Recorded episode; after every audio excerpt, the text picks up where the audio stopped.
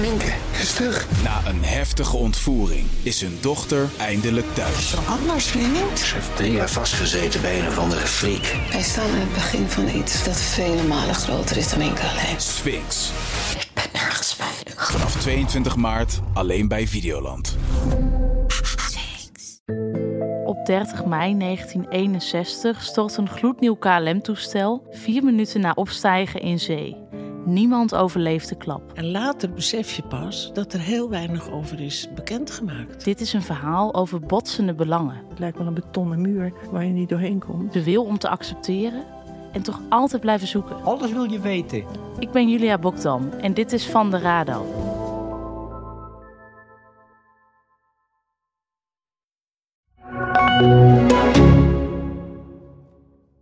In de vorige aflevering. Wat het betekende, Mia en Chris zijn binnen het jaar overleden. Hè? Dat was echt absurd. Ja, toen hoorden we eigenlijk al heel snel op straat en via bekende kennissen dat er hele sterke vermoedens waren dat dit geen natuurlijk overlijden was. Ik denk, waar hoor ik nu allemaal? Dus ik, ik moest ook allemaal een plaatsje geven. Ik denk, ah, dat kan niet. En uh, toen kwam ook eigenlijk al enkele dagen na het overlijden van hemzelf... kwam ook naar buiten dat die nieuwe vriendin de nieuwe erfgename was. Dan, ja, dan krijg, je, krijg je het koud van.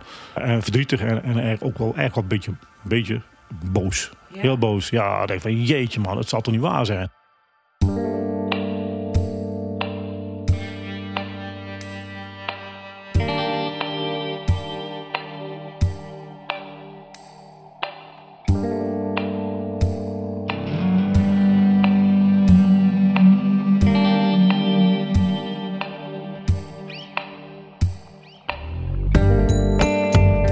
Je luistert naar De Gifdoden, een podcast van BN De Stem, Brabants Dagblad, AD en de aangesloten regionale dagbladen. Ik ben René van Heteren. Samen met misdaadverslaggevers René van der Lee en Hessel de Ree volg ik het onderzoek naar de verdachte dood van supermarktondernemer Chris Grinwis.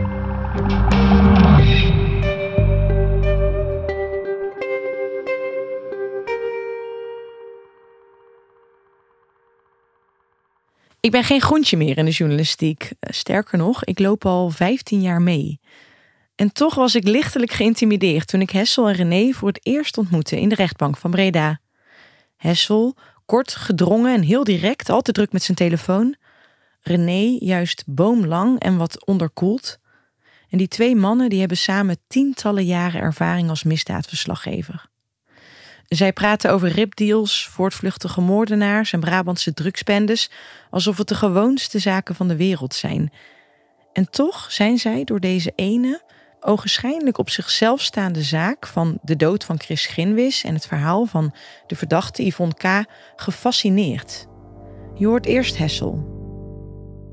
Het is relevant omdat er mogelijk iemand is vermoord. Dat is altijd relevant. Maar er worden meer mensen vermoord. Ja, maar dat volgen we toch allemaal. Ja.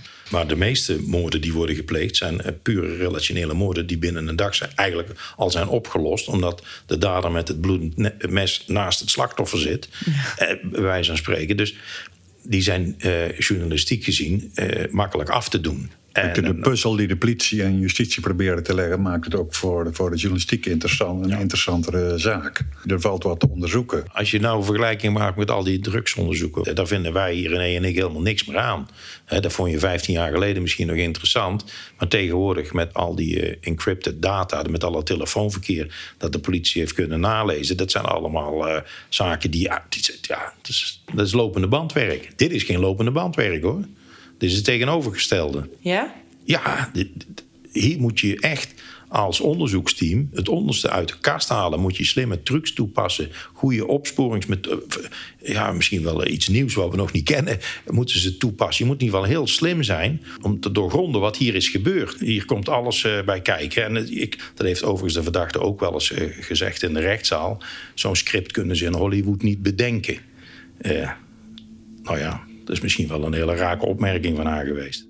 Ook het journalistieke onderzoek naar een zaak als deze is vrij uitdagend, legt René uit. Maar het is ook wel weer interessant, om, want politie en justitie... die gedurende het onderzoek komt er meestal via de officiële kanalen niks naar buiten. Mhm.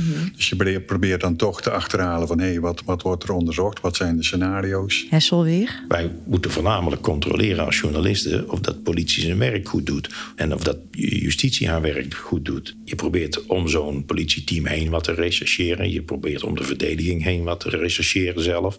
Met nabestaanden. Dan alles bij elkaar ontstaat er dan toch vaak... met al die puzzelstukjes... ontstaat er dan toch vaak een beeld van... wat er ongeveer aan de hand is en waar het naartoe gaat. Wij pretenderen dus niet nu al precies te weten wat er is gebeurd. Het echte gevecht om de waarheid, dat vindt dadelijk plaats in de rechtbank. Maar de afgelopen maanden hebben wij dus wel doorgespit. En op basis van alle bronnen die we hebben gesproken, maar ook de voorbereidende zittingen die al zijn geweest, kunnen we een aardig beeld schetsen van wat er gebeurde vanaf de laatste avond van Chris Grinwis. Samen met Hessel vertel ik je wat we nu weten. Het is dinsdagavond 8 december 2020. Midden in coronatijd. Chris is een dik half jaar daarvoor zijn vrouw Mia verloren, maar hij is alweer een paar maanden gelukkig met Yvonne. Yvonne woont nog in haar eigen huis in Tilburg, dat nu op kosten van Chris helemaal wordt verbouwd. Ze blijft regelmatig bij hem in Halsteren slapen. Om zeven uur is het al donker buiten, maar aan de gevel van Chris' huis schitteren de kerstlampjes. De twee kijken tv. Goedenavond. Daar begint Mark Rutte aan zijn zoveelste persconferentie. Al een uh, paar weken geleden zag je de eerste kerstbomen in huiskamers. Zag je lichtjes in tuinen. Het laat zien hoe extra belangrijk. Yvonne en Chris eten friet met stoofvlees van de plaatselijke cafetaria. En Chris drinkt wijn. Uh, nadat ze die maaltijd op hadden, zou het zo zijn geweest dat Yvonne wilde gaan wandelen. Maar dat Chris daar niet zo'n zin in had. En dat ze toen zelf een uurtje is gaan wandelen. En dat toen ze terugkwam, dat, toen was het rond half negen, dat ze hem slapend in de bank aantrof. Ze heeft toen uh, haar dochter gebeld en gezegd: Ja, hij ligt te slapen. Ik, ik kom nu naar huis, want er komt mist aan. En, uh, en toen zou haar dochter haar, hem op de achtergrond nog iets hebben horen, ja, horen zeggen, want hij wilde liever dat ze bleef slapen. Enfin, zij is vertrokken. Maar voordat ze de deur uitgaat, zou Yvonne nog een foto hebben gemaakt van Chris, liggend op de bank, en die stuurt ze naar haar dochter. Om twee over half negen rijdt Yvonne terug naar Tilburg. Een rit van een uurtje. De ochtend erop zou Yvonne geen contact hebben kunnen krijgen met Chris. Ze wordt ongerust en rond elf uur ochtends slaat ze alarm. Toen heeft ze de supermarkt gebeld. De oude supermarkt van Chris, die hem goed kent, het personeel. En toen zijn daar twee personeelsleden polshoogte gaan nemen. Ze hadden ook een sleutel van het huis. En die hebben Chris aangetroffen op de bank, overleden. Chris zou nog in precies dezelfde positie liggen als op de foto die Yvonne de avond daarvoor naar haar dochter stuurde. En wat gebeurde er toen die personeelsleden hem uh, daar aantroffen? Die zagen hem dood uh, op de bank. Die hebben onmiddellijk uh, 112 gebeld en er is een ambulancepersoneel gekomen. Dat heeft hem van de bank afgehaald en die heeft hem proberen te reanimeren, maar dat had geen enkel, enkel nut meer. Toen is de huisarts gekomen en die heeft de boel goed bekeken en die kon niks verdachts vinden. En die heeft eigenlijk een verklaring en natuurlijke dood afgegeven. De arts stelt het tijdstip van de dood vast. Tussen 4 en 6 uur s ochtends. De eerste familieleden die worden gewaarschuwd, dat zijn de kinderen van Mia. Dat moet ik misschien even uitleggen. Chris en Mia trouwden dus in 1984. Mia had toen al kinderen uit een eerder huwelijk, maar samen kregen ze geen kinderen. Vooral Mia's dochter en kleindochter zien Chris als een echte vader en opa. Dus die zijn gekomen. Toen heeft Yvonne, die heeft haar schoonzoon gevraagd om snel naar de woning te gaan. Want ze had zelf op dat moment geen tijd, want haar huis werd verbouwd en ze zat met bouwvakkers. Dus ze heeft haar schoonzoon gestuurd. Die kwam daar aan en die moest toen vertellen. En dat was een hele uh, voor de familie onprettige uh, mededeling dat uh, het huis eigenlijk op dit moment al van Yvonne was. Dat zij de enige erfgename was. En uh, dat zij dus ook uh, ging bepalen wat er zou gaan gebeuren. En toen heeft Yvonne, heeft, want die mensen geloofden dat niet, of in elk geval, die, die, hebben, die, die, ja, die familie heeft toen emotioneel gereageerd. Een heel onprettige bijeenkomst geweest, kennelijk. En die heeft toen een kopie van, haar, van het testament gestuurd. En uh, de schoonzoon heeft diezelfde dag nog de sloten laten vervangen van het huis. En diezelfde avond nog is er een inbraakpoging geweest, kennelijk. Althans, er is geregistreerd dat iemand probeerde binnen te komen. Het is Yvonne's advocaat die ons vertelt over die inbraakpoging. En volgens haar is nooit opgehelderd wie daarachter zit. In de dagen na Chris' dood loopt de spanning tussen Mia's familie en die van Yvonne verder op. En die verhoudingen die waren sowieso niet al te best, want Mia's familie had het idee dat Yvonne hen van Chris vervreemde. Maar nu, met dat gedoe met dat testament, krijgen ze serieuze argwaan. Een schoonzus belt de politie. En die heeft gezegd tegen de politie: God, ik heb een. Uh, ja, een, geen goed gevoel hierbij. En toen heeft de politie gezegd: ja, ze, heeft, het uitgelegd wat, wat de omstandigheden waren die zij verdacht vond. En uh, de politie heeft toen gezegd: ja, daar kunnen we eigenlijk niet zoveel mee. En toen heeft een, een kleindochter van Mia de volgende dag, die is nogmaals naar de politie gegaan. Maar die heeft wat harder op tafel, tafel getimmerd en met de vuist op tafel geslagen. En die heeft ze ervan weten te overtuigen dat er echt reden is om deze dood te onderzoeken. Omdat er vraagtekens zijn, grote vraagtekens. En dan komt de politie wel in actie. Twee dagen na de dood van Chris wordt zijn lichaam naar het Nederlands Forensisch Instituut gebracht voor toxicologisch onderzoek. Een onderzoek naar eventuele giftige stoffen in zijn lichaam dus. En de politie kampt zijn hele huis uit. Wat van een, een, groot belang is in dit onderzoek, is dat het eigenlijk een, uh, ja, min of meer een valse start heeft gekend. Het heeft twee dagen geduurd voordat de politie daar in huis kwam. In die tijd zijn daar van allerlei mensen binnen geweest. Mensen van de ambulance, de huisarts, allerlei familieleden die hebben daar in dat huis gezeten. Die hebben koffie gedronken, die hebben misschien nog wel een borreltje gedronken. Die hebben dingen verplaatst, die uh, hebben de salontafel voor de bank waar uh, Chris uh, is, uh, is gevonden dood, waarop glazen stonden, waarop van alles stond. Dat is allemaal afgeruimd, dat is in een vaatwasser gezet. Met andere woorden, die hele plaats delict, die is vervuild, die is veranderd. En dat slaat natuurlijk een hoop mogelijkheden uit handen van de politie om aan te tonen wat daar nu precies is gebeurd daar moet het bewijs uitkomen mede. Hè? Dat, dit, dit, was niet even een slam dunk van... hup, nog eventjes een verhoortje en we zijn klaar. Nee, dit was het begin van een uh, heel moeizaam onderzoek.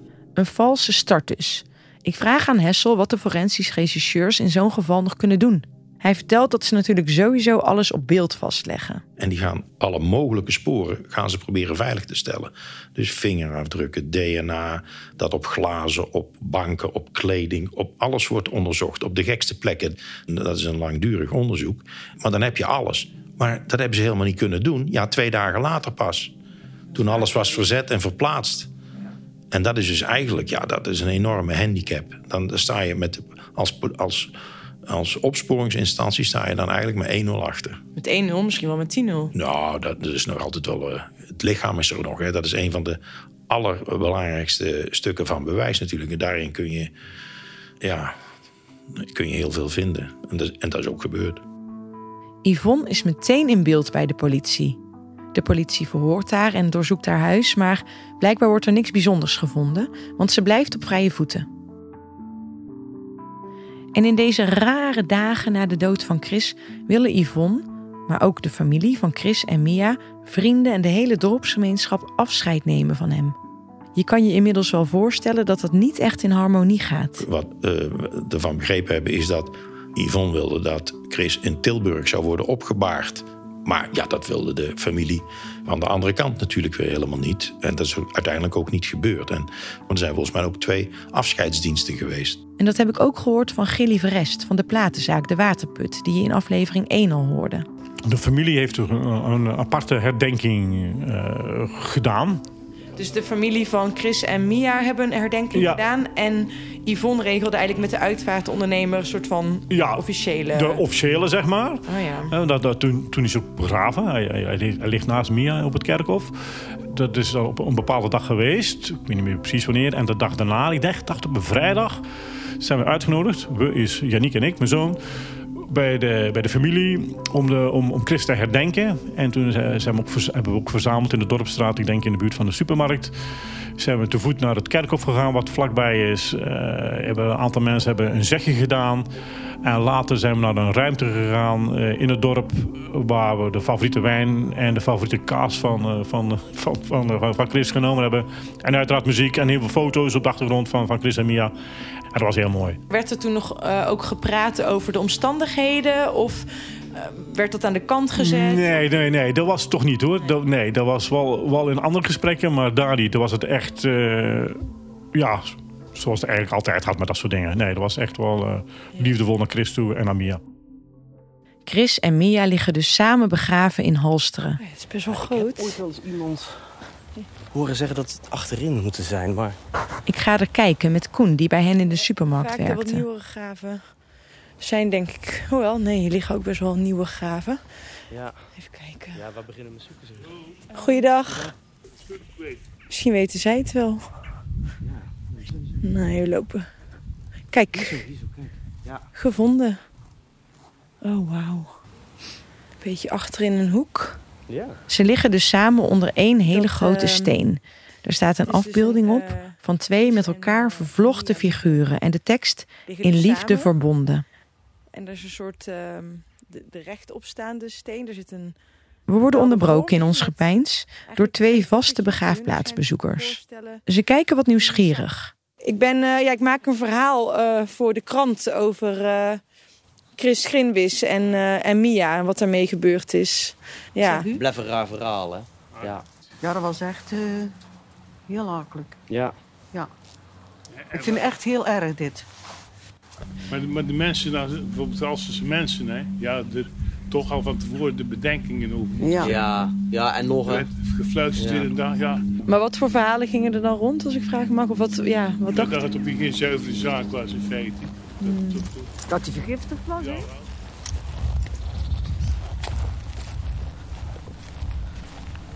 en nog genoeg vanmiddag verder? Ja, hetzelfde. Dank u wel, fijne dag. Het onderzoek naar Chris dood gaat in de maanden na de begrafenis volop door. Maar er komt niks over naar buiten. En al die tijd blijft het huis van Chris en Mia verzegeld. Het is een wat macaber beeld, zo midden in de dorpstraat met kerstlichtjes die veel te lang blijven hangen en een tuin die overwoekerd raakt. En terwijl politie en justitie de lippen stijf op elkaar houden, gonst het in halsteren van de geruchten. En die gaan vooral over Yvonne en haar verleden. Hessel vangt ze ook op tijdens zijn onderzoek in het dorp. Ik durf niet precies meer te zeggen wanneer die, het woord gif voor het eerst gevallen is. Maar dat was al heel snel daarna hoor. Want al, al, al vrij snel kwamen ook de verhalen los. Dat haar vorige man zelfmoord had gepleegd. Dat daar mogelijk ook een luchtje aan zou zitten. En er werd ook meteen verteld dat, dat zij betrokken was bij de, de, de Nederlandse Vereniging voor een vrijwillig levenseinde. Ja, dat maakt de zaak dan natuurlijk extra interessant voor, uh, voor toehoorders, maar ook voor onderzoekers en wel voor de politie. Want zij is kennelijk wel bekend met middelen uh, die nodig zijn om iemand ja, om het leven te brengen of, tot, of te euthaniseren. Uh, nou, dat, dat, ik denk dat dat na twee weken al deed dat verhaal al de ronde. De combinatie van de schok van de dood van Mia en Chris, de stilte vanuit de politie en alle verhalen die de ronde doen over Yvonne zorgen ervoor dat mensen de wildste ideeën krijgen. Op Facebook vind ik meerdere berichten waarin beschuldigingen richting Yvonne worden geuit. Sommige mensen denken zelfs dat ze iets te maken heeft met de dood van Mia.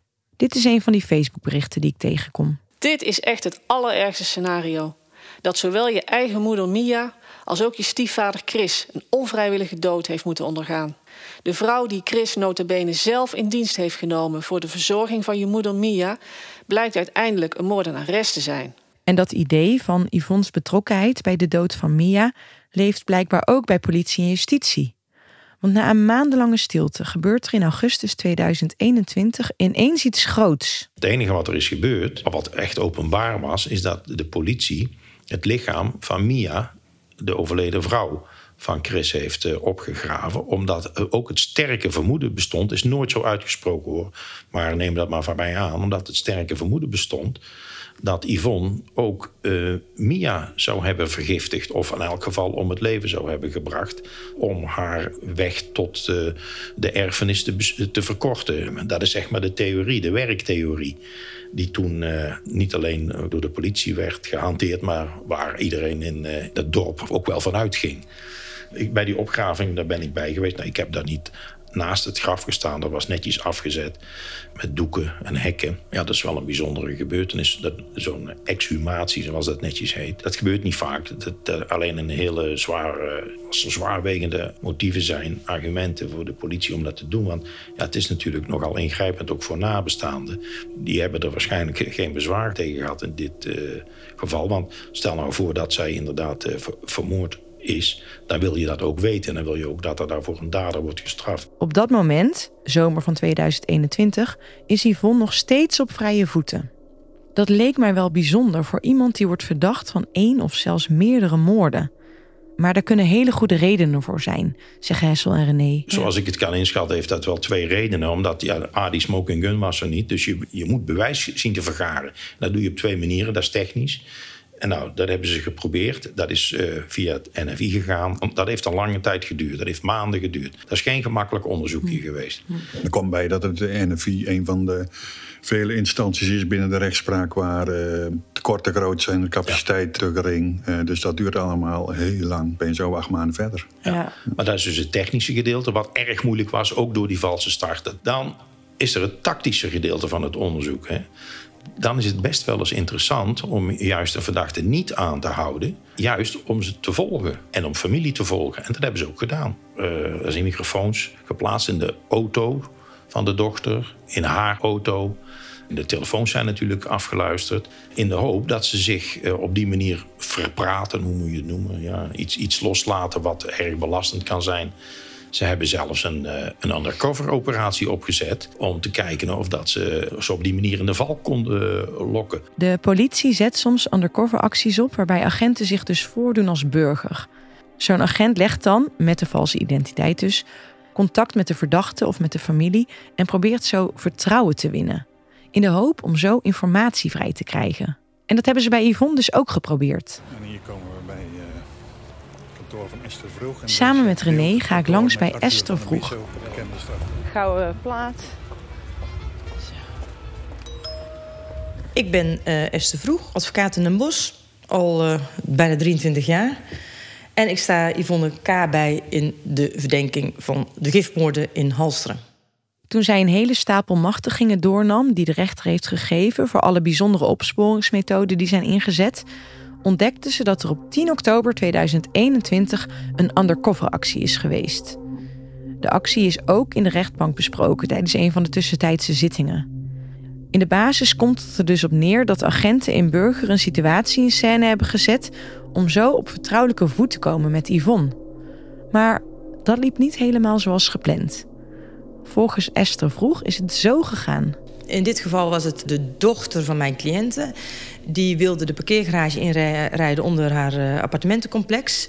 En uh, ze ziet een man en een vrouw. En die man lijkt te struikelen voor haar auto. En zij denkt dat ze hem aanrijdt. Nou, de meisje schrikt natuurlijk heel erg. En uh, ineens staat er ook een ambulance. En die man wordt afgevoerd het ziekenhuis. Er staat een vrouw bij op krukken. Maar het bijzondere is dat die vrouw hele lange opvallende nagels had. Die vrouw is in alle staten en die zegt... Uh, ja, mijn man wordt afgevoerd naar het ziekenhuis... en uh, ik loop op krukken en hij heeft de autosleutel op zak. Nou, de dochter van mijn is een ontzettend lieve meid. Ondanks dus, dat was dus in die periode dat haar moeder dus, dus hè, aan het bungelen was... Van, uh, betrokken bij die moord. dat meisje zegt tegen die vrouw... kom maar, ik help je in de auto. We gaan naar het ziekenhuis in Tilburg. Bij het ziekenhuis aankomen zegt die vrouw... ik durf niet alleen naar binnen... Dus zegt de dochter, ik, uh, ja, oké, dan loop ik wel even met u mee het ziekenhuis in. Ze komt bij het ziekenhuis aan. Daar komen twee uh, agenten uh, in, in politiekleding komen aangelopen... en slaan haar direct in de boeien. Die vrouw, met die lange nagels op die krukken. Zeg, u bent betrokken bij de mishandeling van uw man. Ondertussen hebben ze in de auto al nummers uitgewisseld. Want die vrouw zegt, ik wil je een bloemetje sturen om je te bedanken. Die dochter rijdt weg. Die denkt, wat is dit nou voor haar verhaal? Belt direct de moeder. Die dochter vertelt tegen die moeder dus, een beetje vrouw-eigen... ze had zulke aparte lange nagels. Ze zei ook dat ze nagelstiliste was, et cetera. En die moeder zegt, wat is dit nou voor raar verhaal? Waar ben je nou toch ingetrapt? Yvonne vertrouwt het zaakje dus niet. Wordt haar dochter ergens ingeluist? Ze zal niet met een gerust hart zijn gaan slapen. Maar ze had niet kunnen bevroeden wat er die nacht zou gebeuren. Want op 11 oktober 2021 in alle vroegte Uh, is er een enorme politieinval geweest in Tilburg. Met is cliënt ook geboeid, afgevoerd. Er is een inval geweest bij haar dochter, bij haar schoonzoon. Uh, is haar woning dus nog een keer helemaal doorzocht. Mijn cliënt wordt s morgens om zes uur uh, opgeladen. En komt in Mijkenbroek terecht. Het districtsbureau, zeg maar, waar vooral voor zwaardere zaken mensen vaak opgesloten worden. Wordt niet in beperking gezet, wat natuurlijk heel vreemd is. Dat wist cliënten niet, want die, ja, die, die, uh, die heeft nooit met de politie justitie namaken. En mag direct gaan luchten. En op die luchtplaats zit een vrouw met krukken en met hele lange nagels. En mijn cliënte zegt, oh, hallo. En die vrouw begint een praatje met haar. Die zegt, ja, ik heb gisteren je dochter gesproken, denk ik. Um, en mijn cliënte zegt, ja, dat is een hele bijzondere actie, hè? Ja, ze heeft me zo goed geholpen en zo. En dat, mijn cliënt kapt direct ook het gesprek af. Dus die hele undercover is mislukt. Yvonne heeft dus door dat deze vrouw met krukken een undercover agent is. Volgens haar advocaat spreekt Yvonne daarna geen woord meer met die agenten. De undercoveractie is dus mislukt. Maar ondanks die mislukte undercoveractie lijkt de politie ook succes te hebben. Want de onderzoeksresultaten van het NFI zijn al een tijdje binnen, van dat toxicologisch onderzoek op het lichaam van Chris Schinwis. In zijn lijf zijn heel veel verschillende stoffen gevonden, waaronder een dodelijke hoeveelheid pentobarbital. Je hoort later meer over dat middel, maar het is in ieder geval een slaapmiddel dat uit de handel is genomen omdat het vaak werd misbruikt voor zelfdoding. Yvonne was ermee bekend vanuit haar rol als consulent voor de Nederlandse Vereniging voor een Vrijwillig Levenseinde. En justitie gaat er dan vervolgens van uit dat het als moordmiddel is gebruikt. En als de politie Yvonne's huis de dag na haar aanhouding nog eens doorzoekt, vinden ze daar, in een ijzeren kistje op zolder, een flesje pentobarbital. En dat leek echt een, een, een doorbraak te zijn in het onderzoek. Die stof is later ook op allerlei glazen, een wijnglas, een theeglas. Het is eigenlijk op heel veel plekken in de woning teruggevonden. Ja, en dat maakt het natuurlijk erg verdacht dat die stof is in elk geval aanwezig geweest. En die zat in zijn lichaam in een, ja, in een hele hoge dosis ook. Dus ja, alles bij elkaar is dat een, een verdachte situatie. Nou, laat ik het dan zeggen. Het lijkt eigenlijk gewoon een 1-2'tje. Nou, we hebben een vrouw die weet dat die stof bestaat. Uh, er zijn verdachte omstandigheden. Zat de gelegenheid, ze is kort voor zijn dood. Uh, is het testament uh, gewijzigd? Ja, dat maakt het allemaal erg verdacht. Ben je nog geen dader? Kijk, er zijn heel veel aanwijzingen, maar er kan ook nog altijd sprake zijn van iets anders. Deze zaak blijkt uiteindelijk zeker geen 1-2'tje te zijn.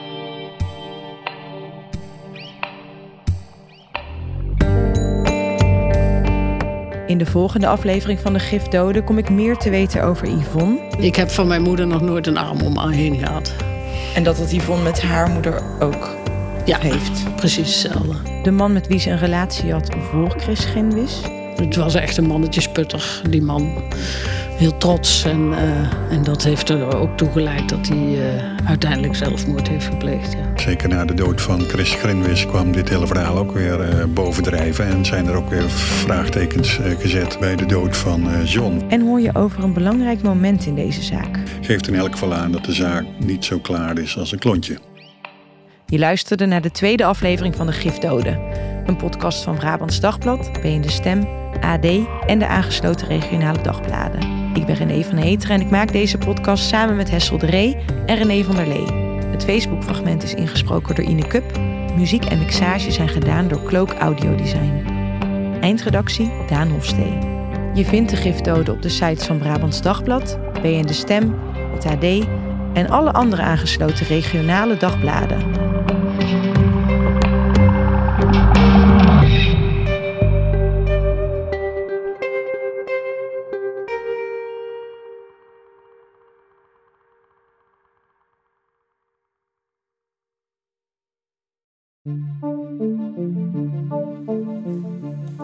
Niet vervelend hoor. Maar dan denk je, ja, jij moet een woningoverval gaan doen. Jij loopt het risico en dan ga je van tevoren niet bespreken wat je ervoor gaat krijgen. Klopt, ik sta me ook ervoor. Vind je jezelf dan niet een beetje dom als je dit zo doet dan? Zeker. Op deze manier. Nou, dan kom je bij de woning aan. In de podcast De Zaak X krijg je een uniek inkijkje in rechtszaken met opnames uit de rechtszaal. Wat drijft een verdachte tot vaak bizarre daden? En wat is de uitspraak van de rechter? Luister naar de podcastserie De Zaak X. Ga naar je favoriete podcast-app of naar ad.nl/slash De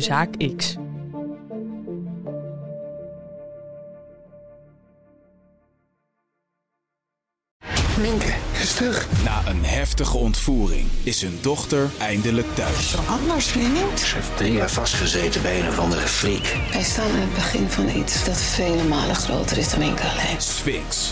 Ik ben nergens veilig. Vanaf 22 maart alleen bij Videoland.